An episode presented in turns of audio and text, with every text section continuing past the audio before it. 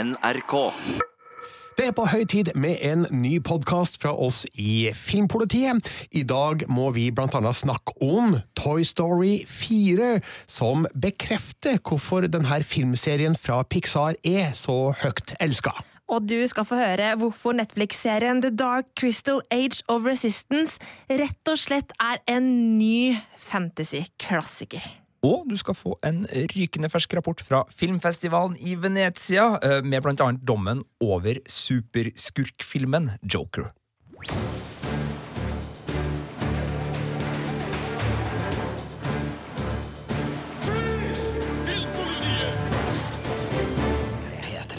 Ja, det er altså litt av hvert vi må igjennom i denne podkasten. Og vi, det er Sigurd Vik. Marte Hedenstad. og Birger Vestmo.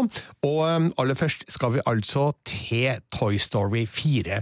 Altså, Marte og Sigurd, kan dere tro på at det er 24 år siden den første Toy Story kom? Shit, er det, nå følte jeg meg kjempegammel. Ja, jeg tror kanskje at uh, forklaringa her er at du er kjempegammel. Ja, men gud bedre hvordan tida har gått. Var vi egentlig klar for en uh, fjerde Toy Story-film, Sigurd? Nei, altså Det er jo ingenting i Toy Story 3 som skriker etter en oppfølger. Altså Den runda jo på mange vis av serien på fint vis. Nå var jo for så vidt, altså Om det bare hadde vært Toy Story 1, om det bare hadde vært Toy Story 2 altså Den har liksom kunnet runde av på, på hvert punkt. Men samtidig, når jeg satte meg ned og uh, så denne filmen, så kjente jeg jo at uh, jeg hadde jo null problem med appetitten. Altså, jeg, jeg er jo Jeg vil jo ha mer, og, og det er jo som du skriver i anmeldelsen din, Birger, altså det her er jo for gode leker til å bare la dem ligge og, og stue bort og, og ikke brukes. Ja, jeg skriver da et eller annet om at uh, Toy Story 4 er jo i realiteten mer av det samme, men når mer av det samme er så fantastisk bra, så er det bare å komme med det. Forky is the most important toy to Bonnie right now. We all have to make sure nothing happens to him. Woody, we have a situation. I am not a toy. I was made for soup, salad, maybe chili, and then the trash. Buzz, we've got to get Forky. Affirmative. Vi må bare si at det er en skjevhet i redaksjonen eh, her akkurat nå, fordi eh, Sigurd og jeg har sett Toy Story 4, mens du, Marte Jeg har ikke sett den, rakk ikke det denne uka her, men jeg skjønner jo på dere at eh, jeg rett og slett bare har å pelle meg på kino, eller? Ja, du må det, fordi om man har et hjerte for Toy Story 1, 2 og 3, så er det ingen grunn til å holde seg unna film nummer 4. For den er jo tematisk veldig lik de tre foregående. Altså, det handler jo om vennskap og tilhørighet og kjærlighet, sorg og savn. Eh, Det handler om livets veivalg, og det er mye som foregår under overflata. Og overflata er òg en yndig kreasjon, med animasjon etter alle kunstens regler fra mesterne i Pixar. Bare for å ta handlinga kort her, så eies eh, Andy, Buzz Lightyear og alle de andre lekene som en gang tilhørte Andy, de eh, eies nå av lille Bonnie, som er ei eh, jente som ja, hun er kanskje ikke så gira på Woody og Buzz, da, sånn som Andy var, men eh, selv om de er litt i bakleksa nå, så er de fremdeles da veldig ivrige etter at Bonnie skal ha det så bra som overhodet mulig. Så starter hun på førskole, og der lager hun seg sin egen leike av en sånn plast... Eh, gaffel... Um, Gaffelskje? Ja, Ja. gaffelskje. Og så er det noen piperensere til armer og noen brekte ispinner til bein Ja, og eh, mye, my rart. Og den her uh, leiken eh, begynner jo selvfølgelig å leve når Bonnie ikke ser på, og eh, blir hennes favorittleike. Og så drar han på en ferietur, og denne mm, gaffelen, skjea, sjaffel, tror jeg de kaller det i den norske dubbinga, denne sjaffelen som heter Gaffen, eh, ser ikke på seg sjøl som eh, en leike, men som søppel, og flykter. Eh, Woody eh, hopper ut av bobilen og drar ut på et redningsoppdrag fordi han skjønner jo at Gaffen er Bonnies kjæreste eiendel akkurat nå, og det blir krise hvis Gaffen da blir borte. Og på den turen så stifter han bekjentskap med en del andre interessante figurer, blant annet eh, den skumle dukka Gabby Gabby, som er veldig interessert i denne stemmeboksen som er inni Woody. Så det skjønner du jo Oi, kan det bli er skummelt, ikke sant? skummelt, ja. Ja. Det er utgangspunktet for Toy Story 4, og jeg må si at eh, jeg koste meg fra det første minuttet til det siste minuttet. Altså uten opphold. Altså Det var aldri noe snakk om at filmen var noe annet enn en solid, gjennomført, herlig Pixar-film. Men jeg lurer på, altså, hvordan er det den klarer det, syns du, med tanke på at den er innom mange av de samme temaene som du sier? Altså, den, den gjør mye av de samme som de forrige filmene har gjort. Altså, hvorfor er den fortsatt gøy å se? Ja, Det er jo fordi at eh, manuset greier å ha med alle de elementene som en helhet. Altså Det blir ikke sånn fragmentert 'nå skal de gjøre det, nå skal de gjøre det, og nå skal de dit, og nå skal de dit'. Alt henger sammen på et forunderlig vis, sjøl om det er mange ting som eh, foregår omtrent på samme tid, så er mm, manuset så finjustert at eh, det flyter så godt. Og hele veien så er det en eh, veldig lekker miks av eh, humor, som selvfølgelig er situasjonskomikk-basert, som alltid i det her Toy Story-universet. Det er selvfølgelig òg mye takket være gode stemmer. Nå så jeg ikke den amerikanske utgaven, men den norske dubbinga, og den er òg veldig, veldig god. Eh, samtidig som eh, det er spennende å følge disse figurene, for det er så mange finurlige små sekvenser her. Der eh, regissøren, som heter Josh Cooley, som faktisk debuterer da som regissør her, greier å skape spenning og dramatikk og sånne små, morsomme øyeblikk som krydrer helheten. Så jeg må si det her er overbevisende godt. Har vel skrevet i anmeldelsen min da, at den fjerde filmen her må finne seg i å rangeres sånn rett under 1, 2 og 3. Det er vel kanskje Toy Story 2 som er aller best når jeg tenker meg om nå, og så kommer Toy Story nummer 1, og så kommer Toy Story nummer 3, og så nummer 4. Det her var en veldig kjapp og uoffisiell rangering. Ja, den var uoffisiell. Ja, øh, nei, kanskje jeg skal gjøre den offisiell nå, bare for å make a statement eh, her. Men eh, Sigurd, du har jo også sett Toy Story 4. Nå må du komme med dine innspill her. Det, det er sagt nå. Er det sant, Ja, eller det- er det ræl? Nei, det er helt, helt riktig alt du sier. Og, og det er nesten sånn Jeg vil trekke inn en sammenligning på litt sånn uh, veldig gode dataspill som på hvert brett har liksom en verden som fenger. For litt sånn er det i Toy Story her, at enten det er i uh, en butikk som mye foregår, eller det er i bobilen. Altså sånn hver sekvens og hver plass har så mye øh, kule detaljer og så riktige detaljer og så gode stemninger. Så, så det, det, det er så mye godt. Og nå har liksom Pixar og Disney øh, holdt på med det her så lenge at de kan plukke fra sine egne filmer og ha litt sånn skjulte referanser. Jeg, jeg ser blant annet litt fra Up. I, i blant annet en, en butikkbestyrer. Altså det, det er sånne små detaljer både i, i bevegelsesmønster og hvordan det hele ser ut, som, som gjør at man, man føler seg hjemme.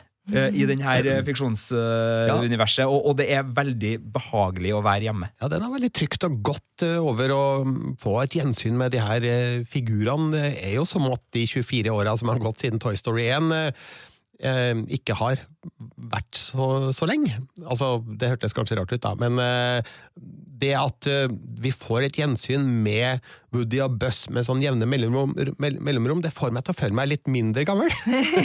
Det er jo kjempefint. Og, og filmen er jo også veldig eh, sånn uh, småsmart i, i den referansebiten på at den er klar over at den sjøl er en gammel film, fordi det er jo vintage-leker det er snakk om her. Både Buzz har jo blitt vintage-leke, han også, i tillegg til at Woody sin snak snakkeboks er selvfølgelig en, en ettertrakta commodity, også litt fordi eh, den er vintage og, og hard to get. Så, så det er jo en, en film som også klarer å spille litt på samlemani og, og leketøy som samleobjekt og, og litt sånn, uten at det tar over på noe som helst vis. Men dem som er interessert i det, vil, sånn som jeg er, da, Ja, ja. eh, vil plukke opp noen sånne små tråder som gjør at den har enda et lag i Men seg. da, disse så- lekene er jo ikke box fresh eh, mint Nei. condition. men antik, uh, an altså det, det kan en, en småbrukt Buzz Lightyear kan fremdeles eh, ha, ha verdi for den rette eieren. Så nei, den, den er veldig, veldig god på veldig mye, og så ser den jo helt nydelig ut. Jeg syns spesielt nattescenene i denne filmen er veldig stemningsfull. Jeg syns det er noen, eh, noen skikkelig fine når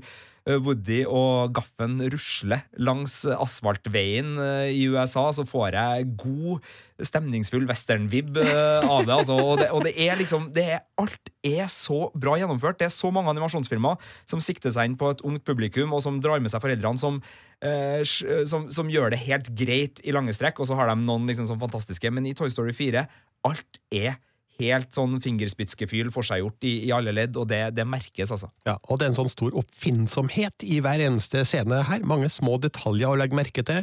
Eh, For eksempel, eh, det er jo eh, en vaskebjørn inne i bildet her, som ikke er en vaskebjørn, men en radiostyrt bil.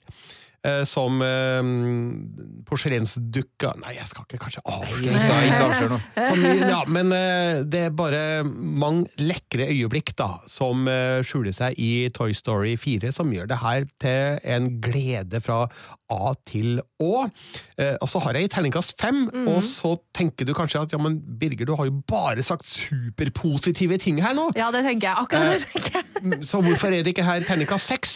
Og det er vel fordi eh, den, eh, den gjør ikke veldig mye nytt. Det er ikke en mye nyskaping her. Den fortsetter jo i det trygge sporet fra Toy Story 1, 2, 3. Så det er ikke her Pixar har satsa alt på å eh, bryte ny mark og finne på nye sprell. De, de kjører et forholdsvis trygt løp, men det trygge løpet er jo helt fabelaktig vakkert.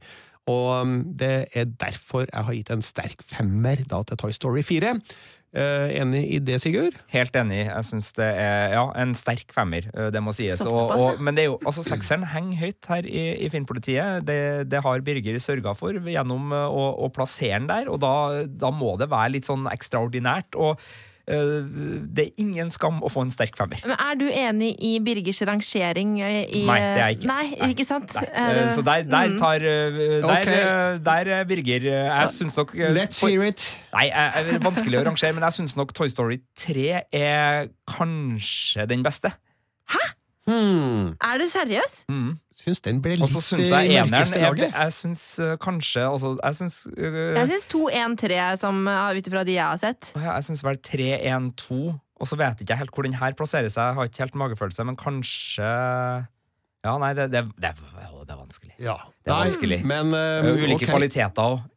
Ulike kvaliteter i filmene. Det er lov å være Ja. uenig i denne redaksjonen, sjøl om du eh, trekkes, feil, ja. du trekkes i lønn nå, da. ja, ja, ja. Du gjør det. Eh, En ting jeg ikke har nevnt her nå, men som vi godt kan eh, si litt om, er jo den norske dubbinga. For vi hadde jo um, Anders By som gjest her i Filmpolitiets podkast tidligere i år.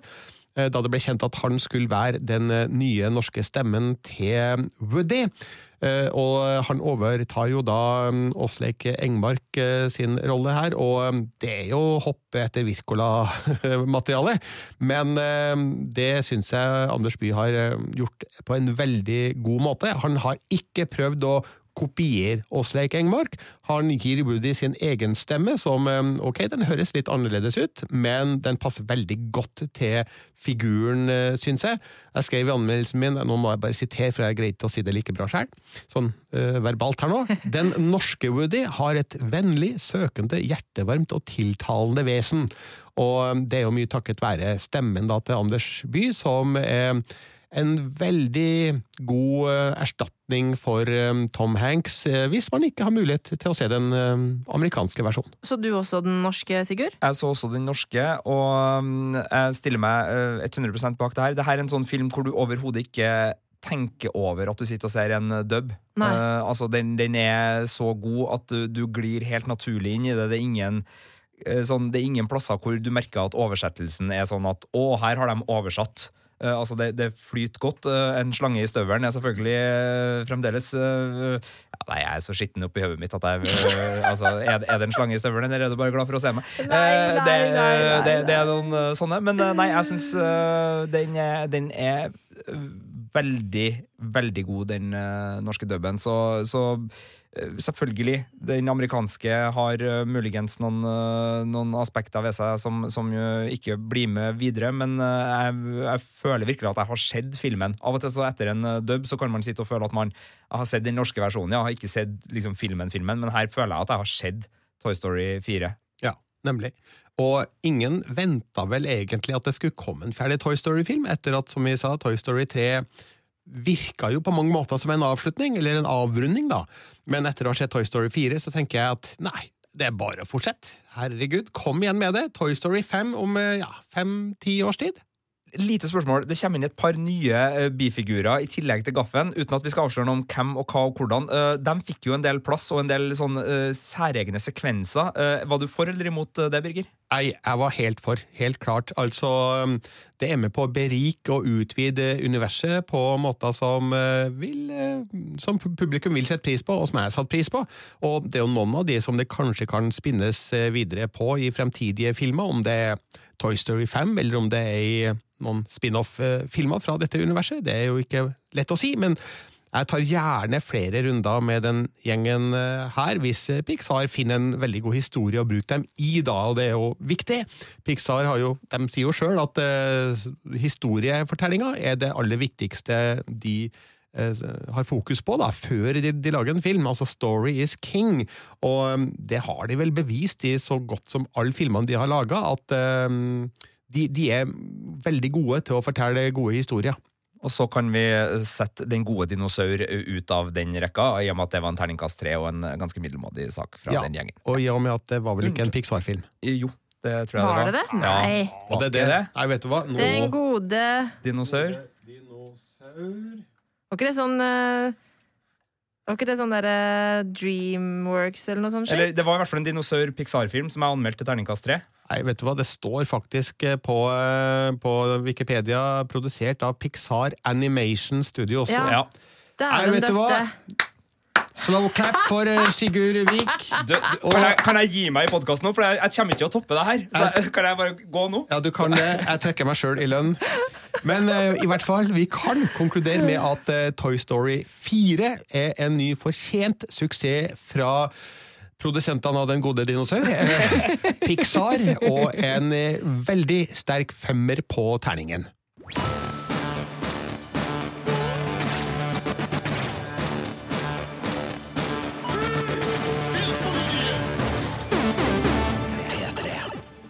Vi skal holde oss i eh, barnefilm- og serieuniverset på en forunderlig måte, Marte. Ja, eh, det kan du si. Eh, den serien vi skal inn på nå, den har aldersgrense sju år i Netflix. Eh, men jeg må bare si, hadde jeg sett den her da jeg var sju år, så hadde jeg pissa i buksa. For det er ganske mørke saker, det her. Men det er altså da The Dark Crystal Age of Resistance. Everything the Skeksis ever told us was a lie. And now everyone and everything is at risk.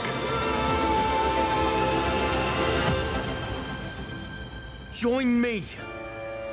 So we may finally unite as one against our true foe, the Skeksis. We are eternal!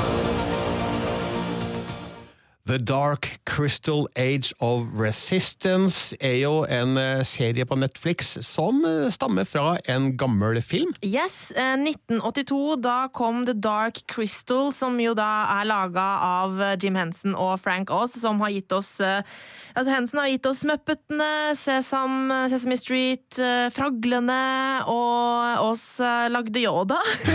Lagde Yoda! Ja, Det er dukkene vi snakker om her, for dette her er jo dukkefilmserie, Ja, rett og slett. Men eh, det er ikke bare for barn. Det er ikke bare for barn, eh, fordi det her er ganske mørkt. Eh, jeg, jeg leste et intervju med serieskaperne Jeffrey Addis og eh, Will Matthews, som snakka om at eh, man ikke må være redd for å skremme barn. Eller at det ikke, er, det, er ikke, det er ikke så farlig. Barn tåler mer enn man tror, og barn tåler å bli skremt. Eh, Så poeng, det er meninga at man skal bli redd hvis man er kid og ser det her. Eh, Jeg ble aldri redd, men, men jeg følte ubehag og, og syns at eh, skurkene eh, og de onde skeksierne eh, var skikkelig fæle og ekle. Eh, og det er jo absolutt sånn det skal være i et skikkelig eventyr. Altså, slemmingene må være fæle. Du er så pompel og pilt da jeg var liten, jeg. Ja. Det gikk helt bra med meg. Men du, La meg, la meg bare spørre deg. Ja. Du har skrevet i anmeldelsen din av The Dark Crystal, Age Ja. of Resistance, at den kommer til å bli en evig klassiker. Ja. Det Eh, er store ord. Det er store ord, eh, og det eneste som på en måte kan ødelegge for at eh, det blir en evig klassiker, er måten den er distribuert på. Altså for sånn, jeg tenker sånn, Da vi, at den ligger i Netflix, liksom, da du og jeg var kids, og du og Birger, og ting gikk på NRK, liksom, så hadde den her gått på NRK da vi var barn, så hadde den definert barndommen vår. Så bra mener jeg at den er. Eh, så jeg, men så, det så spørs det da om den vil definere en generasjon, eh, barndommen til en hel generasjon nå, når den ligger i Netflix og den ses på en litt annen måte. Men den, men den er god nok til å gjøre det. Eh, det er en klassiker. Det kommer til å Altså, om den kommer til å bli husket. eh, Den må den, fordi den er så utrolig bra. Men sidespor, altså er det noe som definerer barn eh, nå, når det er fire milliarder Åh, tilbud på trist strømmetjenester og på kino Peppa Gris. Peppa Gris? Ja, Peppa Gris har gjort det. Peppa Gris er jo, ja, det tror jeg nok at uh, veldig mange kommer til å huske Peppa Gris, for eksempel. Men altså, uh, det jeg tenker, den, sånn som for eksempel Narnia var for meg, da. Eh, fordi den gikk i jula, eh, en episode hver dag, og det var liksom sånne type ting. Sånne ting man husker som sitter igjen. Jeg håper at barn som ser denne serien i dag, vil huske den på samme måte. Um, og, og grunnen til at eh, jeg mener at den er såpass bra, er at det, det er jo en veldig sånn klassisk eventyrfortelling her. Um, veldig sånn kampen mellom det gode mot det onde. Her er det liksom de snille gelflingene som uh, må på en måte De har blitt lurt av de onde skekksjerne til å tro at de er snille, mens de i virkeligheten tapper energien fra den livgivende krystallen ikke sant, som gir liv til planeten de bor på. Um, så det, uh, det er jo veldig sånn klassisk, uh, men det er alle rollefigurene rundt det som gjør at uh, det blir så bra. Altså, man, jeg blir glad i alle heltene. Um, nå, og så? Jeg får klump i halsen av å snakke om det. det er jeg, har, grått masse denne uka når jeg har prøvd å fortelle folk hvor godt jeg liker det.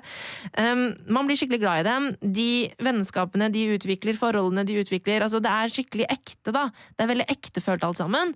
Um, samtidig som det er så vakkert.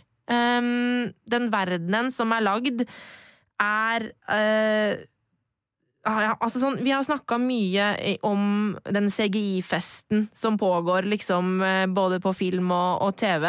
At jeg syns det er så trist. eh, Og at eh, selv uansett hvor bra datagenerert grafikk er, så har det aldri den derre tyngden. Det har aldri den teksturen. Så det klarer ikke å få det. Mens her så er jo alt er bygd. Noe blir på en måte forsterket og forbedret av et lag med CGI oppå. Eh, sånn som for eksempel trær, eh, altså noen blader på tre som blafrer i vinden og sånn, for eksempel. Eh, men alt er i utgangspunktet bygd med praktiske fysiske effekter, og det gir noe helt eget til det. Altså, det blir mye mer virkelig, da. Um, du føler at du, at du kan være deg selv, og du glemmer at det er dukker som du ser på.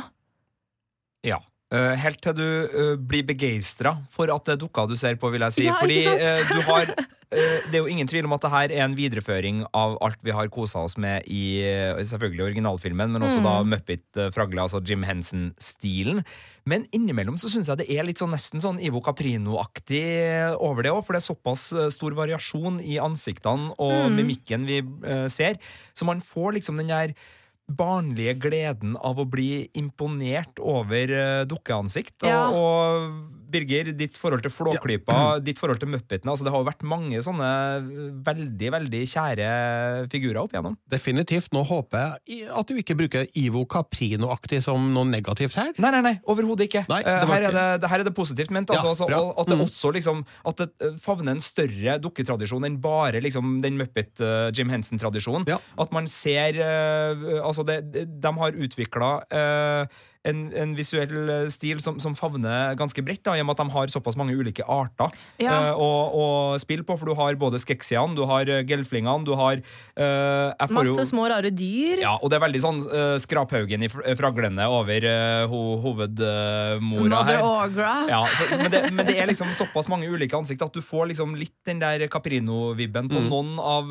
gelflingene spesielt, syns jeg. da Ja. og, det- og det er bare positivt. altså Jeg er helt i, i tråd med Martha. Nå har jeg bare sett åtte av ti episoder, så jeg er ikke helt i mål, men jeg har også storkosa meg og, og, og stiller meg bak Altså, det er Uh, uavhengig av historien så er det teknisk, og, og utføringa av det her er uh, helt på, på, på toppnivå. Ja, og, det, og det gjelder ikke bare dukkemakeriet, som er helt fantastisk, men også måten det er filma på. For det er jo filma som eh, om man hadde filma en En, en, En- en altså, spillefilm. ja. Eh, Det der er veldig interessant, fordi jeg, jeg, jeg så eh, et klipp fra eh, Netflix har lagt ut en dokumentar om The Making of uh, The Age of Resistance, som ligger i Netflix. Jeg så et klipp fra den um, nå her om hvordan de har gjort det. Fordi disse settene er jo kjempesvære, men de er også bygd høyt oppe. Sånn at man kan gå mellom dem, men, mens da uh, føttene til dukkene da er på liksom nivå med, med det som liksom er gulvet i settet. Eh, og så går man mellom eh, disse gangene. Og da, eh, og da går regissør og fotograf med dem eh, inne i settene rundt. Eh, og, liksom, og det er sånn, hva heter det når det er sånn steadycam og sånn? Ja. Som ja, filmer alle mulige kanter. D- ting på en måte har en sånn bevegelighet i seg som gjør at det blir mye mer dynamisk da, når du på en måte er med. Det er ikke et slags et sett som er satt opp som et teater med dukker som spilles. Altså det er, Man går rundt, det er dynamikk, det er bevegelighet. Altså det, det, det gjør at det, man kommer veldig mye nærmere på eh, både ansikt og, og kropp og på en måte kroppsspråket i dukkene. Og du snakka jo om at eh, det er jo masse forskjellige dukker her. eh, og det er jo det er er noen dukker som er rene radiostyrte dukker. som er sånne små dyr og sånn. Eh, og så er det gelflingene er en blanding av altså puppet som i sånn hånddukke. Eh, munnen beveger seg ved at det, det går folk og har dukka oppå skulderen, og så har de hånda hele tiden opp inni da munnen. Det må være veldig slitsomt. Og samtidig som det er en annen dukkespiller som eh, med radiostyring eh, beveger øynene og øvrig mimikk i fjeset, da. Eh, og så skekksjernet, som er mye sværere. Der, der er de inni selve dukken, sånn at kroppen til dukken er et menneske. Eh, og så har de også da hodet, eh, altså munnen eh, er hånda. Mm. så det er veldig mye forskjellig, da. Ja. Eh, Jeg har jo ikke- sett eh, den her nye serien, eh, sånn som du og Sigurd har gjort, men jeg husker jo den originale filmen, og jeg har jo sett andre dukkefilmer, som for eksempel eh, altså Caroline og Paranorman og Kubo, som jo da er stop motion-animert, og Flåklypa Grand Prix selvfølgelig, og det slår meg at eh, eh, hvorfor er dukkene i slike filmer så uttrykksfulle? Altså, Hvorfor oppfatter vi dem som det? Hva er det med akkurat denne eh, filmatiske formen som gjør at eh, vi får eh, sånn emosjonell eh, bånd til disse figurene? Ja, jeg har også lurt på det samme, eh, og jeg tror det ligger veldig mye i det at du har øyne som på en måte er eh, At det ikke er eh, animerte øyne. Eh, For animasjonen på øynene, det ødelegger veldig mye. Men det er faktisk kuler som fanger lyset, mm. som, som gjør veldig mye med et blikk. Eh, Og så er det bare liksom sånn det med at eh, Hjernen vår eh, er veldig vant til å tolke eh, menneskelige fakter. Eh, og det at små fakter på et, altså et lite et lite skråblikk på et hode et lite, Det er veldig små ting som skal til for, for at vi som mennesker tolker det da, eh, som en følelse. Eh, og det er et eller annet der som, som gjør at det, det blir veldig sånn ektefølt. Jeg tror det er todelt. Jeg tror For det første så er det med, med dukker Det er litt som forskjellen på et stillebilde eller et maleri og film. Eh, Fordi du får liksom de begge av beste verdener. For at du kan øh, kunstig holde hold, øh, og bygge én komposisjon av et uttrykk i mye større grad enn du kan med et ansikt øh, sånn i, i levende vesen. Så du, du får lov til å dyrke øh, øyeblikket Mm. og, og holde det så lenge du vil egentlig i, i disse stop motion-sekvensene og også i dukkefilmene. Så der har du en mulighet. I tillegg så uh, er jo i hvert fall vår generasjon Vi er jo vokst opp med dukkefilm, og akkurat sånne litt sånn keikete bevegelser, litt sånn skråblikk og sånn, er jo en del av vår opplevelse av hvordan vi har registrert følelser før. Så det å spille på vår kollektive hukommelse av hvordan Og, og dukka har jo vært der i, holdt på å si hundrevis av år. altså Det er jo en uh, veldig gammel tradisjon som alltid har blitt brukt til å uh, uttrykke uh, Enten det var hånddukketeater uh, back in the days, eller det var uh, i, i filmsammenheng. Så, så det er noe med at uh, den tilbyr en, en forståelse av uh, uttrykksfullhet som er annerledes, men allikevel har et eget språk som vi koder ganske lett, og som gir en, en annen følelse til det. Men samtidig, jeg glemmer at jeg ser på en dukkeserie i store strekk når jeg sitter og ser på The Dark Crystal, for den er så uh, sømløs også, og så, så eh, metta av inntrykk at du, du lever deg inn i det på en Ja. måte som gjør at du glemmer nesten dukkeseansene. Og det, det tror jeg er eh, hvis du, Når du ser disse Muppet-filmene, altså for eksempel den der eh, Muppet Christmas Carol eller hva Den den beste heter. julefilmen som Ja, finnes, ja. ja, ja. Der, men når du ser Muppetene der, så hopp, de er veldig sånn hoppete. Ja. Det er veldig dukkete. Men det er det ikke her. Det er mye mer flyt i hvordan dukkene beveger seg. Og det tror jeg er mye av grunnen til at man glemmer det litt, og også det at måten kameraet fører seg på også bidrar til det. Eh, Sa jeg forresten at han er norsk, han eh, fotografen? Erik Wilson. Nei, det sa du Eh, ikke. nei, han er norsk. Eh, så han har jobba veldig godt sammen med Louis Leterrier. Han er fra Bergen. Eh, og eh, de to har skapt noe skikkelig fint på skjermen, altså.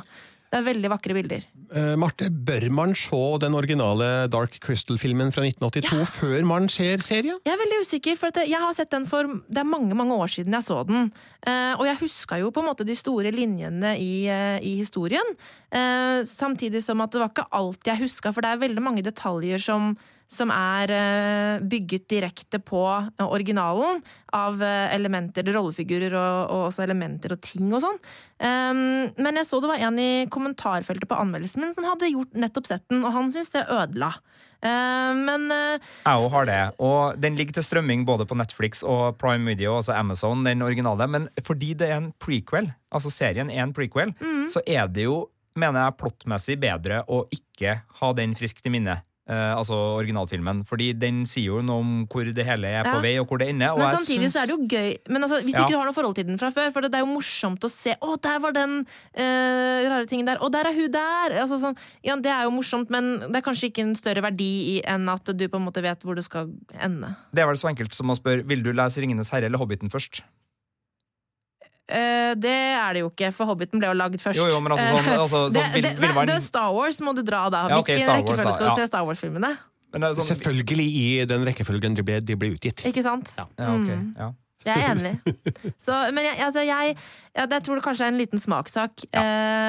Ja jeg husker historien, men jeg husker ikke alle detaljene i handlingen. Men, men den ender jo ikke Det er jo ikke back to back, det her. Eh, altså, det kommer jo en til sesong eh, med Dark Crystal, sånn at eh, Ja, men, men eh, du, du vet jo hvilke svar du får og ikke får, da. ja. I sesongen. Det vet du jo. Ja, og Hvis du ser da Ringenes herre-filmene før du ser Hobbiten-filmene, så vet du at Gandalf klarer seg. Og det er jo Beklager spoiling. Fader! Jeg var glemt å si spoilervarsel på at Gandalf ikke dør i Hobbiten-filmene. Oi, sorry. I hvert fall så er det en kjensgjerning at The Dark Crystal Age of Resistance er ut på Netflix, og vi kan vel trygt si at du anbefaler den, Marte? Jeg anbefaler den så sterkt. Terningkast seks. Jeg griner når jeg snakker om den. Alle må se den. Vær så snill, gjør det.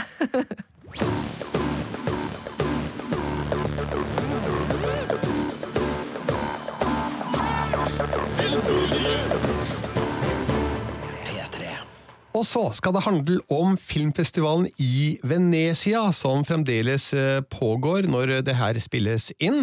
Avsluttes på lørdag med utdeling av Gulløven, som er da den gjeveste prisen i Venezia. Jeg var der den første uka under festivalen og fikk med meg flere store høydepunkter. Og um, jeg vet ikke om dere har tenkt over det, Marte og Sigurd, men uh, nå, nå har du gitt terningkast seks til The Dark Crystal Age of Resistance. Jaggu har jeg gitt to seksere til filmer som ble vist i Venezia. Så nå går det inflasjon her i terningkast uh, seks. Har vi kasta alle eh, våre kritikerkriterier på, på søppeldynga nå, og bare Dok- gir seks har til det. alt? Dere har det. Ja. Ja, nei da. Grensa går jo på Toy Story 4, det har vi jo definert tidligere i podkasten, så det er ikke noe problem. Ja, nemlig. Eh, Men det er jo en kjensgjerning at eh, Venezia er en festival der eh, nye, store Oscar-vennlige filmer blir sluppet.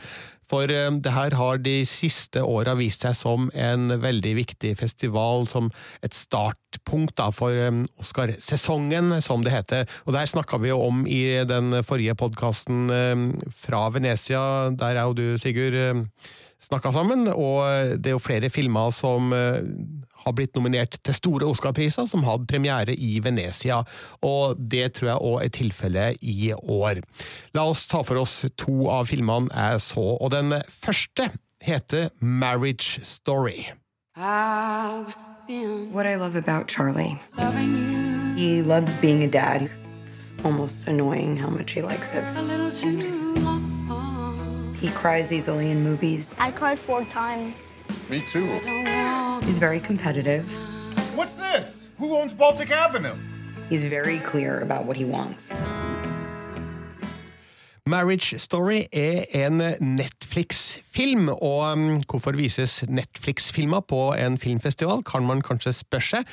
Og det er jo ikke alle filmfestivaler som er like mottagelige for Netflix. «Kan» Cannes har jo sparka alle strømmetjenestefilmer ut. Får ikke lov til å være med i hovedprogrammet der, fordi de ikke skal vises på kino i forkant av eh, at de slippes på strømmetjenestene. Venezia har ingen skrupler mot det, og um, har faktisk eh, hatt tre Netflix-filmer på programmet i år. Eh, Marriage Story er en av de, og det er da ingen ringer enn Scarlett Johansson og Adam Driver som spiller hovedrollene her. Og når eh, filmen eh, starter, så um, forstår vi at de har et ekteskap bak seg som nå er over. De skal gå hvert til sitt, og er i utgangspunktet ivrige etter å skilles som gode venner, men så blandes advokater inn i det her, spilt av Laura Dern og Ray Liotta, faktisk også av gamle ringreven Allan Alda, og da begynner problemene og tårner seg opp, og det blir en bitter strid om eh, ekteskapet, hvorfor det gikk i oppløsning, og ikke minst hva som skal skje nå med både bosted og deres felles åtte år gamle sønn. Ja, så eh, en skilsmissefilm altså, og jeg må si at eh, det her reiv i hjerterota veldig hardt og brutalt. Og det er jo en veldig sår og vond historie, det her. Eh, det ligger jo litt i kortene at en film som handler om en skilsmisse, det er ikke, det er ikke, morsomt, det er ikke en morsom komedie, akkurat.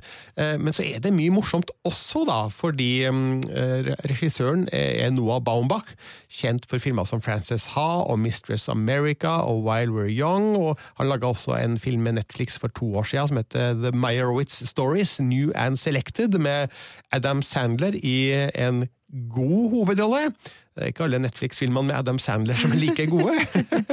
Men akkurat uh, The Meyerowitz Stories var et, uh, et moderne høydepunkt da, for Sandler. Og nå er det altså en ny Netflix-film da, fra Noah Baumbach, og uh, jeg må si Marriage Story scorer på alt. Altså, den har et gnistrende godt manus, den har fantastisk skuespill. Jeg tror jaggu aldri jeg har sett verken Scarlett Johansson eller Adam Driver bedre enn i Marriage eh, Story. Og det er jo da en, en, en film der ja, figurene er midt oppi en vond skilsmisse, men samtidig så ser man veldig tydelig den her kjærligheten som en gang førte dem sammen. Den er fremdeles til stede. Altså, de har, de har en kjærlighet til hverandre, de har respekt for hverandre, og, men det fører også til at, at den bitre, vonde krangelen blir desto sterkere og mer intens. Så um, her er det bare å ha vente med glede og litt uh, bekymring, uh, for når um, filmen skal ha premiere på Netflix da i desember, sannsynligvis. Den skal slippes på kino i USA litt grann først, en uke eller to, tror jeg, sånn at den blir aktuell da i Oscar-sammenheng. De er veldig slu, disse Ja, de Netflix-folka. Ja. de, De er, de er eh, gatesmart, eh, strømmesmart, eh, ja. Ja. Men jeg må bare spørre, fordi Adam Driver er jo en skuespiller som eh, på en måte rir to hester i popkulturen nå. Altså, den ene Adam Driveren finner vi i Star Wars-universet og i storfilmer, og den andre er han som vi så i Girls-TV-serien, og som spilte i, du nevnte den jo, While We're Young, eh, Noah Bombachs, eh, ikke forrige film, men en rimelig ny film. Eh, Og den Adam Driveren, han har noen unike kvaliteter, syns jeg, som jeg syns Noah Bombach eh, fiska opp veldig godt i den While We're Young-filmen. Og det handler om at han er en veldig karismatisk type, men også en sånn kompromissløs øh, figur som har masse kanter og, og er litt sånn keikete samtidig, så du blir liksom tetrukka av ham samtidig som du blir ekstremt irritert. Altså, Hvordan får han øh, Adam Driver til å funke her? Han hørtes ut som en konkurransefyr, hørte vi på lydklippet, men øh, Ja, altså Han spiller teaterinstruktør i denne filmen, og han er jo da vant til å dirigere sine ansatte hit og dit. og Det er vel kanskje en del av problemet her, fordi eh, Scarlett Johansens figur er en av hans skuespillere. Og eh, det er vel kanskje litt av årsaken til at eh, det har gått mot et eh, brudd. Eh, Men eh, han er jo en litt snål fyr, Adam Driver. Jeg tenker da på utseendet hans. Jeg greier aldri helt å bestemme meg for om om han er veldig kjekk eller veldig stygg, eller en kombinasjon, eller et eller annet sted imellom. Men han har i hvert fall et veldig distinkt utseende som det ikke er mulig å ta feil av. Men eh, det gjør han mer interessant, tenker jeg da. At han har den nesa og den lange, hengslete kroppen og det litt mørke uttrykket. Det, det gjør han eh, til til en mer interessant eh, fyr enn en litt mer sånn glattsleika Hollywood-broiler ville ha, ha vært. Og eh, du skjønner jo at eh, han kan være litt av hvert å hanskes med. Altså ikke Adam Driver, da, men figuren han spiller i eh, denne eh, filmen, Charlie. Eh, men de, de fremstår som et ekte par, altså eh, Charlie og Nicole, da, som Scarlett Johansens eh, figur heter.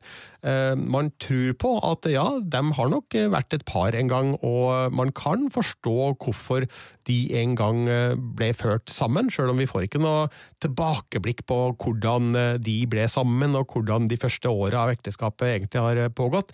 Men gjennom det de forteller til både hverandre og til andre figurer i filmen, gjør at man forstår jo eh, den kjærligheten og respekten da, som fremdeles eksisterer mellom dem. Eh, så eh, ja, nå svarte jeg vel kanskje ikke helt på spørsmålet ditt om Adam Driver, Sigurd, men han, han er en fascinerende figur, også i Marriage Story. Så det er en skuespiller som beviselig kan brukes til hva som helst. Um, en morsom liten detalj i filmen her er jo at Charlie går med et eh, Star Wars-nøkkelknippe. Å, det er fint. Ja. Eh, Så han gir et lite vink til det han kanskje er aller mest eh, kjent eh, for, da. Men eh, jeg er faktisk usikker på om jeg setter mest pris på Star Wars-driver eller eh, indie-film-driver. Nesten så jeg foretrekker indie-film-driveren. Ja, er når, når vi tenker på alle de små, morsomme filmene han har vært med i mellom de eh, Star Wars-filmene vi har sett av de siste åra. Eh, Scarlett Johansson må vi også eh, huske å nevne, fordi jeg, jeg forbinder hun først og fremst med Avengers de siste åra. Jeg tenker at uh, hun har spilt i litt for mye Avengers nå, eh, og det er veldig godt å se hun få bryne seg ordentlig på noe annet enn Black Widow. Nå vet vi at hun spiller jo inn en Black Widow-film òg, kanskje begynner å nærme seg slutten av innspillinga der til og med, men eh, i eh, Marriage Story så får vi se hva som bor i hun som eh, skuespiller, og det er et driv og en intensitet i spillet hennes som man kanskje kan bli litt overraska over, hvis man er vant til Scarlett da fra Avengers-filmene, der hun selvfølgelig også gjør en veldig god figur, men hun har litt mindre å spille på der da, enn det hun får i Marriage Story. Og det er spesielt én scene da i denne filmen mellom eh, Johansen og Driver som jeg tror er nok til å innkassere Oscar-nominasjoner til begge to. Eh, det er ja, det er virkelig eh, føleri på et uh, høyere nivå, da kan vi si uten å avsløre noe mer enn en det. Jeg var jo på pressekonferanse i Venezia da med hele bøtteballetten fra Marriage eh, Story, og da kunne Scarlett Johansson eh, kaste et bein til alle pressefolka som var der. Hun kunne fortelle at uh, da hun skulle møte Noah Baumbach uh, om hans nye prosjekt, som hun ikke visste hva var for noe, så var hun faktisk i ferd med å skille seg sjøl. I will say that, you know, at the time when I met with Noah, I was actually going through a, a divorce, and I didn't know um, what we were meeting about at all. Um, but I just kind of And I didn't know you were going and he didn't know I was going through a Ah. divorce. So I, when I came in, I mean, I knew we were meeting to talk about something he was, you know, kind of thr he was had been working on, but uh, you know, I hadn't seen him in a long time, and and uh, but for some reason uh, with Noah, it always, even though there had been a long time that passed, it felt like just old hat or like no time had passed. So I think I just kind of probably blew into the room and um, you know just ordered a glass of white wine and started complaining um, and you know and he was just listening and attentive and but also of course then he kind of cleared his throat and he was like funny you should you know um, be talking about this. Probably either a project you're really going to want to do or not want to see or be a part of i don't know. We'll see how you feel about it. But it was uh, yeah it was almost um, it, it felt uh, sort of faded in a way i guess. Um, and uh, it was a really cathartic experience to, to be able to share with him and then and also to um, to have him also share with me and and uh, it just came at somehow just the right time Ja, altså Scarlett Johansson var i ferd med å skille seg da hun fikk skilsmisserollen i Marriage eh, Story. Hun eh, har jo vært gift eh, to ganger. Hun har vært gift med Deadpool-stjerna Ryan Reynolds. Eh, og så ble hun gift med en fransk reklamemann. Eh, nå er hun faktisk da forlova igjen, da, ganske nylig, med Colin Jost, kjent fra Saturday Night Live. Ja. Men eh, ja, vi får håpe at det var en stund, da. Men i hvert fall, da Marriage Story skulle lages, så sto hun midt oppi den samme tematikken da, som filmen viste seg å skulle handle om. Jeg satt for øvrig ja, ca. sju meter fra Scarlett Johansson da det her ble sagt på pressekonferansen, og jeg kan bare skrive under på at ja, hun er veldig, veldig, veldig pen. Hun er veldig, veldig, veldig, veldig, veldig, veldig pen. Eh, Adam Driver satt ved siden av, og han var sånn midt imellom et sted, som vi var inne på tidligere. Da. Men i hvert fall, folkens, eh, det er bare å glede seg, eller grue seg, eller eh, ja, litt av hvert kanskje, da, til mm, Marriage Story kommer på Netflix. Premieren er altså lagt til desember.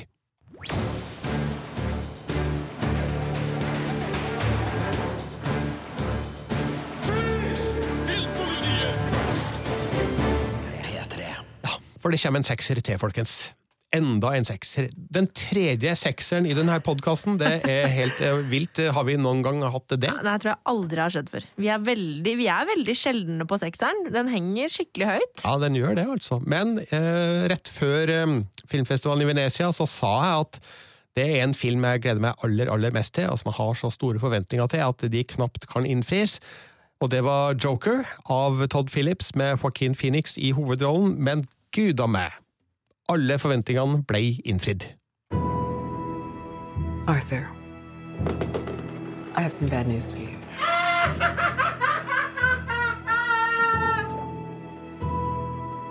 This is the last time we'll be meeting. You don't listen, do you? You just ask the same questions every week. How's your job? Are you having any negative thoughts? All I have are negative thoughts. Ja, Det var altså litt lyd fra traileren til Joker med Joaquin Phoenix i sitt livs rolle! Og det er store ord, for det her er jo en eh, skuespiller kjent fra Gladiatoren, fra Walk the Line, fra Her. Eh, Inherent Vice Masse gode eksempler på at han er en skuespiller av høyeste kaliber, men uh, han har aldri vært så skummelt god som han er i uh, Joker. Bare for å forklare hva slags film det her er, mange vet det kanskje allerede, men det her er en frittstående film, en opprinnelseshistorie, origin story som det heter på engelsk, om hvordan eh, jokeren fra Batman-universet ble jokeren. Eh, vi starter med å se Arthur Fleck, spilt av Joaquin Phoenix. Han bor hos uh, mora si i Gotham City, som eh, ligner veldig mye på New York, fordi at filmen er jo innspilt eh, stort sett der. Uh, han tjener til livets opphold eh, som en slags uh, sånn selskapsklovn på dagtid. Eh, litt mindre vellykka sådan. På kveldstid prøver han å slå igjennom som standup-komiker. Eh, har vel litt, skal vi si, vekslende hell med det òg. Og så går livet han imot på ulike områder, og eh, han nærmer seg bristepunktet. Og, ja, og så skjer det ting som eh, virkelig setter fart i nedoverbakken her. Jeg trenger ikke å si noe mer om hva det her handler om, annet enn å si at det ligner veldig lite på Tim Burtons Batman. Ligner veldig lite på Joel Schumachers Batman-filmer, og har heller ikke mye slektskap til Christopher Nolans eh, Dark Knight-trilogi. Nei, for det er det jeg har tenkt da jeg har sett traileren og bilder og sånn fra filmen. At det, det ser ikke ut som en film som foregår i noe superheltunivers i det hele tatt. Nei, det er ikke en superheltfilm. Eh, Det er veldig lite eksplosjoner her, og det det er ikke mye superhelt eh, fantastiske mm, set pieces, som det heter. Det er et eh, nært og skittent drama som kanskje henter mer inspirasjon fra amerikanske 70-tallsfilmer, da i første rekke Martin Scorseses Taxi Driver, som har veldig mange likhetstrekk da med Joker, eller ja, det er omvendt da. Det er Joker som har masse likhetstrekk til Taxi Driver, både i eh, form og i innhold. Mange enkeltscener fra Joker som er omtrent lånt rett ut fra Taxi Driver. Eh, Filmen har òg flere fellestrekk med en annen Scorsese-film, nemlig King of Comedy fra 1982, med Robert De Niro i hovedrollen. Eh, De Niro spiller en birolle i eh, Joker som talkshow-vert. Jeg kan dessverre ikke pinpointe parallellene, for jeg har ikke sett King of Comedy. Har noen av dere? Ja, men det er, veldig lenge siden, Nå har jeg ikke sett The Joker, så det blir vanskelig å se. Men eh, ja. Ja, nemlig. Eh, I tillegg så eh, kan Joker minne mye om atmosfæren og stemningen i filmer fra f.eks. William Friedkin og Sidney Lumet, som sammen med Scorsese og Coppola var kongene på 1970-tallet. Eh, Historien foregår altså da i et eh, Gotham City prega av eh, rot, kaos og kriminalitet. Det er søppelstreik, og det er varmt, og folk går løs på hverandre på gata, og et veldig ugjestmildt klima. og minner mye om det vi har hørt om New York på 1970-tallet, med, med mordraten de hadde da, som var helt enorm i forhold til det de har i dag. Eh, Og midt oppi det hele da, så ser vi da en eh, mann med mentale lidelser som eh, samfunnet har vendt ryggen. Han får ikke den hjelpa han trenger. Han eh, har ikke den støtten som er nødvendig for at han skal kunne fungere som normalt. Og um, jokeren eh, kan jo, eller jokeren da, kan jo ses på som et ekstremt resultat av eh, det her. Eh, samfunnet har spilt fallitt i forhold til sånne som han, og samfunnet får svi for det i denne filmen. Og nå har enkelte gitt filmen kritikk, og da nå snakker jeg om en del amerikanske kritikere, fordi eh, de, de ser da på eh, Joker, Jokeren, eller Joker, som eh, en slags posterboy for eh, ja, den såkalte incel-generasjonen, eller incel-grupperinga, hvis det går an å si det. Og, men det er ikke en forsvarstale for incels som velger å gå til drastiske skritt. Det er ikke det. Eh, For sjøl om man føler med Joker og har sympati med han, så har man samtidig en avsmak for det han gjør, og man føler jo en avsky for det han blir etter hvert. Så jeg kan ikke tro på at noen skal ta Jokers handlinger i filmen til inntekt for sine egne verdisyn. Altså, jeg har jo ikke sett filmen, men det høres ut som en veldig rar kritikk å komme med. For det, altså, det, det er jo kjempeinteressant å, å dykke ned i hva som har gjort mennesker til dem de ender opp med, og hva som bringer mennesker til å gjøre grusomme ting, uten at man trenger å ha sympati for det de utfører av handling. Det er jo kjempespennende å liksom dykke inn i sinnet på sånne mennesker.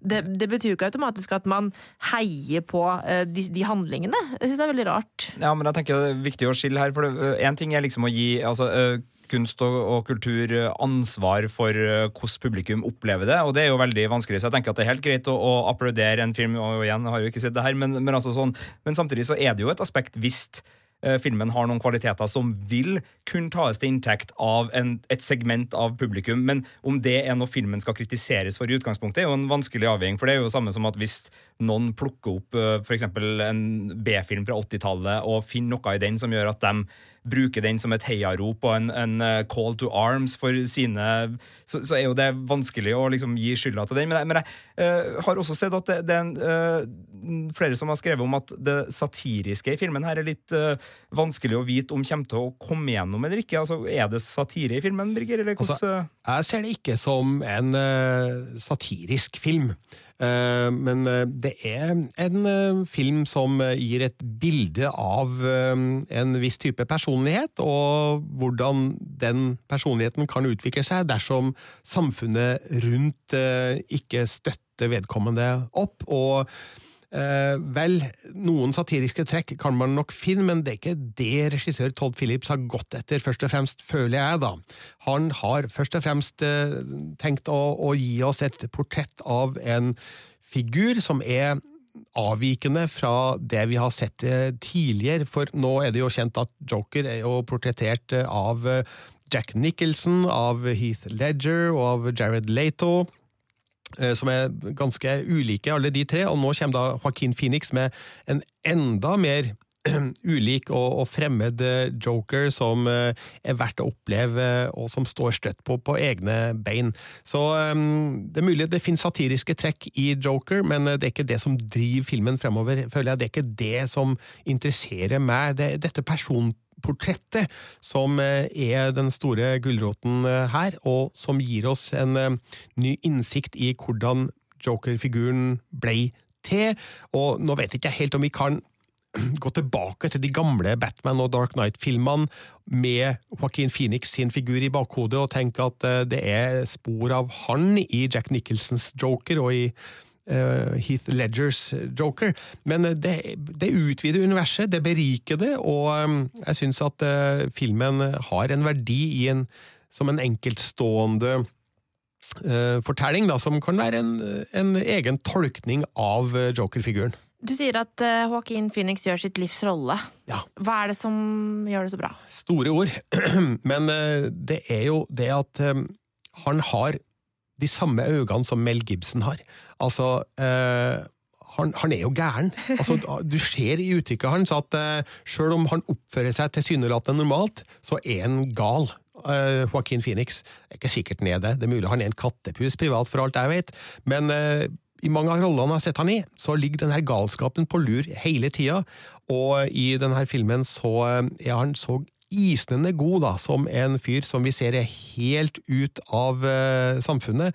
Han er ikke i kontakt med realiteten. Han, uh, han ler på feil tidspunkt. Han uh, snakker veldig rart med mennesker rundt seg, og han har hele tida det her forpinte uttrykket i ansiktet, og sjøl kroppen hans er jo en sånn forvridd eh, utgave av et vanlig menneske. Eh, han gikk veldig mye ned i vekt til denne rollen, eh, Joaquin Phoenix, og på pressekonferansen i Venezia så sa han at ja, han gikk ned veldig mye i vekt, og det viser seg at når man går veldig mye ned i vekt på veldig kort tid, så blir man litt gæren av det òg. Mm. Og det hjalp han kanskje da i rollen som Arthur Fleck, skråstrek Joker. Eh, og på den samme pressekonferansen så um, fortalte han hva som uh, tiltrakk han til rollen som Joker.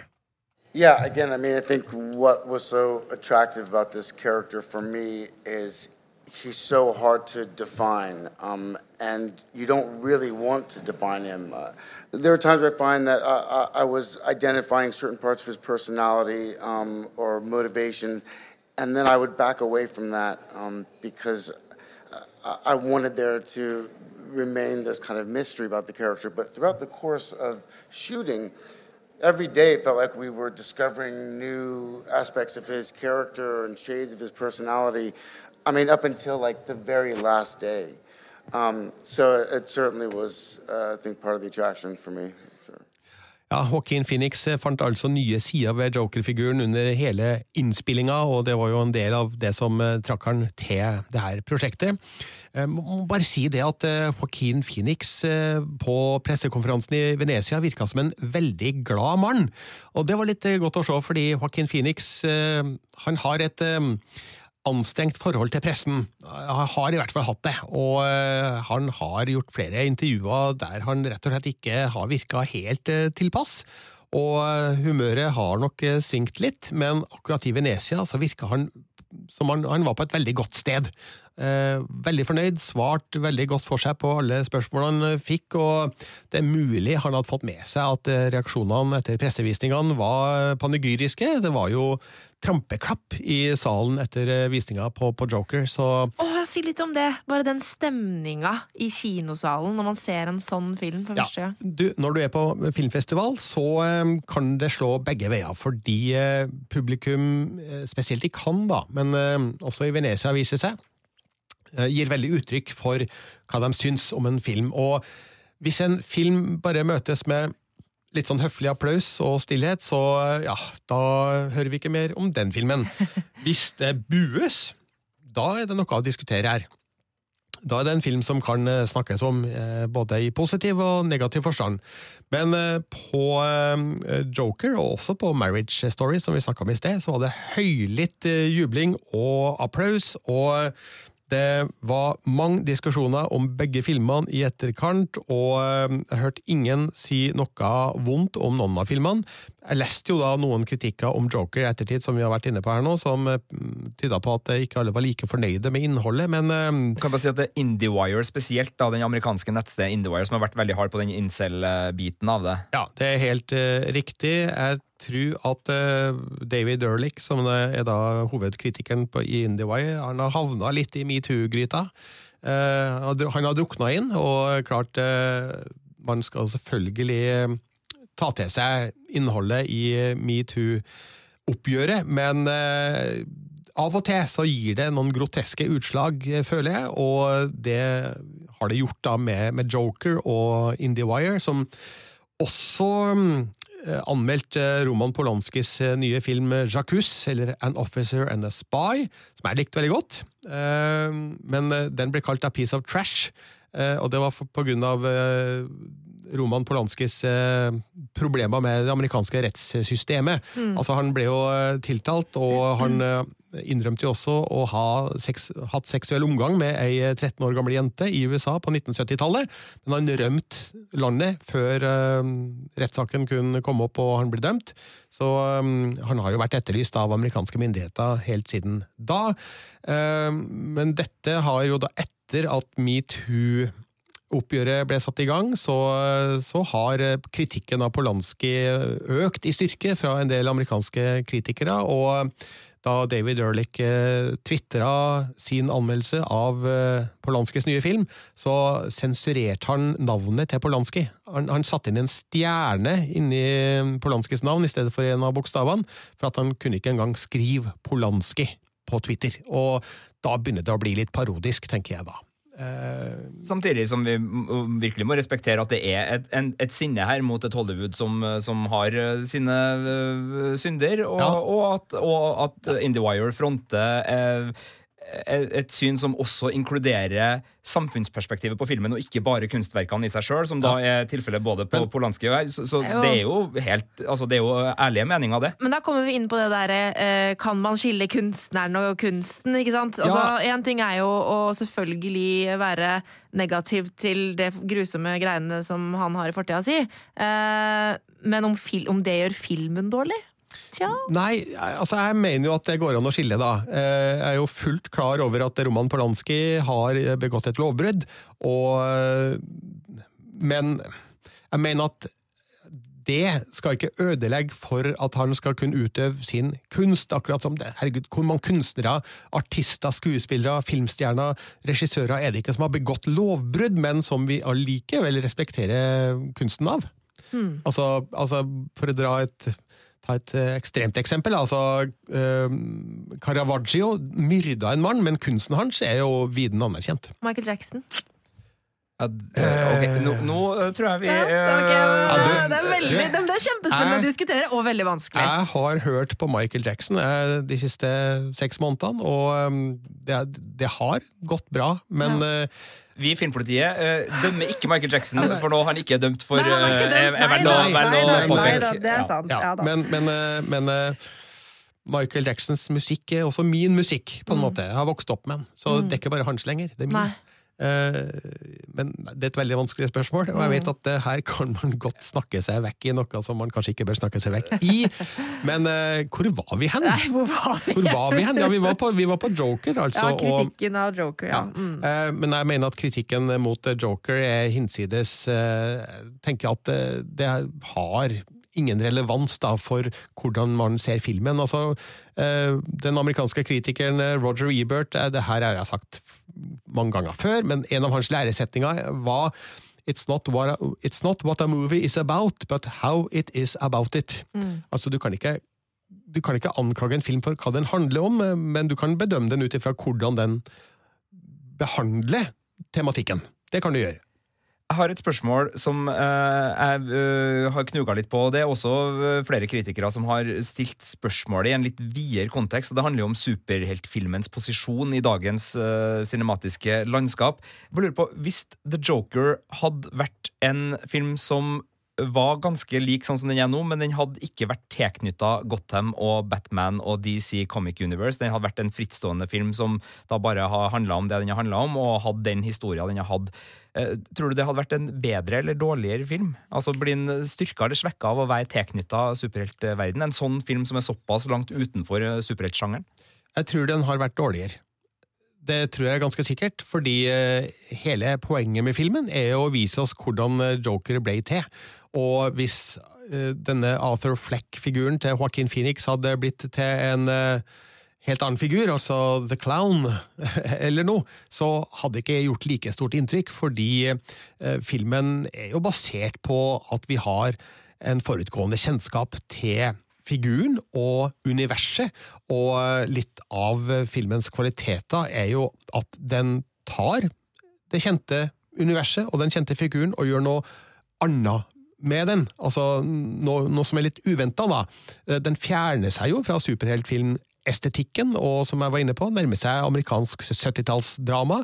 Og eh, det gir jo da en eh, helt særegen stemning som vi ikke hadde fått hvis det hadde handla om en incel-fyr som hadde laga seg en helt annen type figur. Så det er Ja, det var vel svaret mitt, egentlig. Mm. Har du noen teori om det sjøl, Sigurd? Nei, nei, nei, jeg var bare nysgjerrig på det. Fordi altså, Hvis man bruker min, nei, altså ikke Min Street, men eh, Taxi Driver som et eksempel, altså, er det en film som eh, har, har noen lignende tematiske tråder, og som, som fungerer som et kunstverk veldig godt på sine egne bein. Og det var vel noen som eh, lurt litt på, egentlig mest bare om liksom uh, om uh, For å liksom nå de økonomiske høyder, at også kunstnerisk ambisiøse filmer var nødt til å nesten tilknytte seg et uh, superheltunivers for å få den eksponeringa Ja. som er optimal. Men altså, det, det var spørsmålet at det her kanskje var en film som var så sterk i seg sjøl at den hadde kanskje slått vel så hardt uten superhelttilknytninga. Men Ja. du har svart veldig godt på Ja. det, Birgit. Det er vanskelig å, å, å tenke hva slags film det hadde blitt hvis det ikke hadde handla om Joker, men det gjør det en gang det, da. Så eh, Du snakka om eh, Taxi Driver, ja, og det har vi vært inne på før. Eh, jeg bare eh, tenker at eh, hvis du liker Taxi Driver, Martin Scorsese-filmen fra 1976, så eh, vil du finne mye å sette pris på i Joker. Det handler ikke bare om personportrettet av en mann som er på vei inn i galskapen. Det handler også om måten byen er skildra på. Altså de her skitne gatene, de her asfalt- og betonghjørnene, og det her stadig enerverende nattemørket som han stort sett eh, beveger seg gjennom. Det er så pent filma, eller stygt filma, at eh, det er mange lekre visuelle ting ved filmen som eh, fremhever det, det mørke som da ligger i historien. Og jeg må si jeg er overraska over at eh, regissør Todd Phillips eh, skulle få til det her, for han er altså kjent for eh, Road Trip, Starsky and Hutch og de tre Hangover-filmene. Ja. Og det var ingenting som tilsa at han hadde det her i seg, men han har lagt fra seg det meste av humor, og så har han laga sånn mørkt, gritty bydrama som ligner lite på det han har gjort før i karrieren. Samtidig som jeg vil anbefale både Roadtrip, Starsky and Hutch, som jeg virkelig liker, er eh, og den første Hangover-filmen. Men det er noe Eh, To og tre er kanskje ikke like bra. Det er noe annet. Så jeg tenker at eh, Joker har alle mulige muligheter for å hevde seg når den kommer på kino 4. oktober. Jeg tror også den kommer til å hevde seg i prissammenheng, og jeg skrev vel i anmeldelsen min på P3 og Filmpoliti at uh, Joaquin Phoenix bare kan begynne å forberede seg på Oscar-talen. For at, ja, han blir i hvert fall nominert, og uh, nå vet vi ikke hva som skjer i filmene som kommer før jul, eller før nyttår, men uh, det- jeg vet ikke. Det, det virker så utrolig sterkt, det han har gjort i Joker, at han, han bare må få en Oscar for det. Vi får se. Vanskelig å spå, det er kanskje litt farlig å jinxe det, men jeg føler også, Jeg snakka litt med det med andre som var i Venezia, annet eh, Lars Ole Kristiansen og Karsten Meinick i montasje, at eh, det er litt eh, Joaquin Phoenix sin tur òg. For Ja. han har vært en så sterk skuespiller i Hollywood nå i så mange år at ja, it's his time. Han har jo vært due. nominert tre ganger før. Ja, aldri vunnet nå, så er det kanskje på tide nå, og kanskje tenker også medlemmene i Oscar-akademiet som oss, at uh, her har vi en gylden mulighet, eh, folkens, til å gi en uh, pris til Joaquin Phoenix. Er det ikke litt hans år nå, så får vi bare se da om uh, det slår stikk når det nærmer seg Oscar-nominasjons offentliggjøring, og ikke minst da prisutdeling da i februar neste år. Men det er altså bare en måned til Joker kan eh, ses på norske kinoer, og eh, jeg har gitt terningkast seks. En av årets sterkeste seksere så langt. Får vi se hvor mange som eh, kommer utover. Eh, Dette markerer vel slutten på eh, dagens podkast. Vi er tilbake om en uke med flere ting. Da skal det annet handle om norske Dag Johan Haugeruds norske film Barn, som også ble vist på filmfestivalen i Venezia. Skjer det noe på seriefronten i neste uke, Sigurd og Marte? Eh, Ja, Den eh, kommer en ny Netflix-serie som heter Unbelievable, som er basert på en sann historie om en eh, jente som blir voldtatt av en serievoldtektsmann, men ikke blir trodd. Uh, og, og det her er såpass hipstrete at det er basert delvis på en podkastepisode av This American Life. Så en Netflix-serie basert på en podkastepisode av This American Life som er basert på en sann historie. Men så, viktigst av alt, Downton Abbey! Å, gud! Det glemte jeg! Det glemte Ja. Eh, Vi har jo allerede avgjort i redaksjonen eh, at det er du, Marte, som må se den. For eh, verken deg eller Sigurd har sett noe mye av serien. Jeg har sett litt av serien, men jeg, altså, det er noe med det er risikovurdering, Brygger Og, og hvis jeg skulle ha liksom ha prøvd å fronte meg framerst i, i den uh, Danton Abbey-køa, så tror jeg eh, sjansen for at Marte Hedenstad hadde lagt meg for grundig hat, hadde vært relativt høy. Og det har jeg ikke tenkt. Men denne podkasten er over. Eh, Legg gjerne igjen en rating og en kommentar der du fant den. Nå oss på Filmpolitiet, alfakrøll.nrk.no. Følg oss på Instagram og Twitter. I studio i dag Sigurd Vik. Marte Hedenstad. og Birger Vestmo.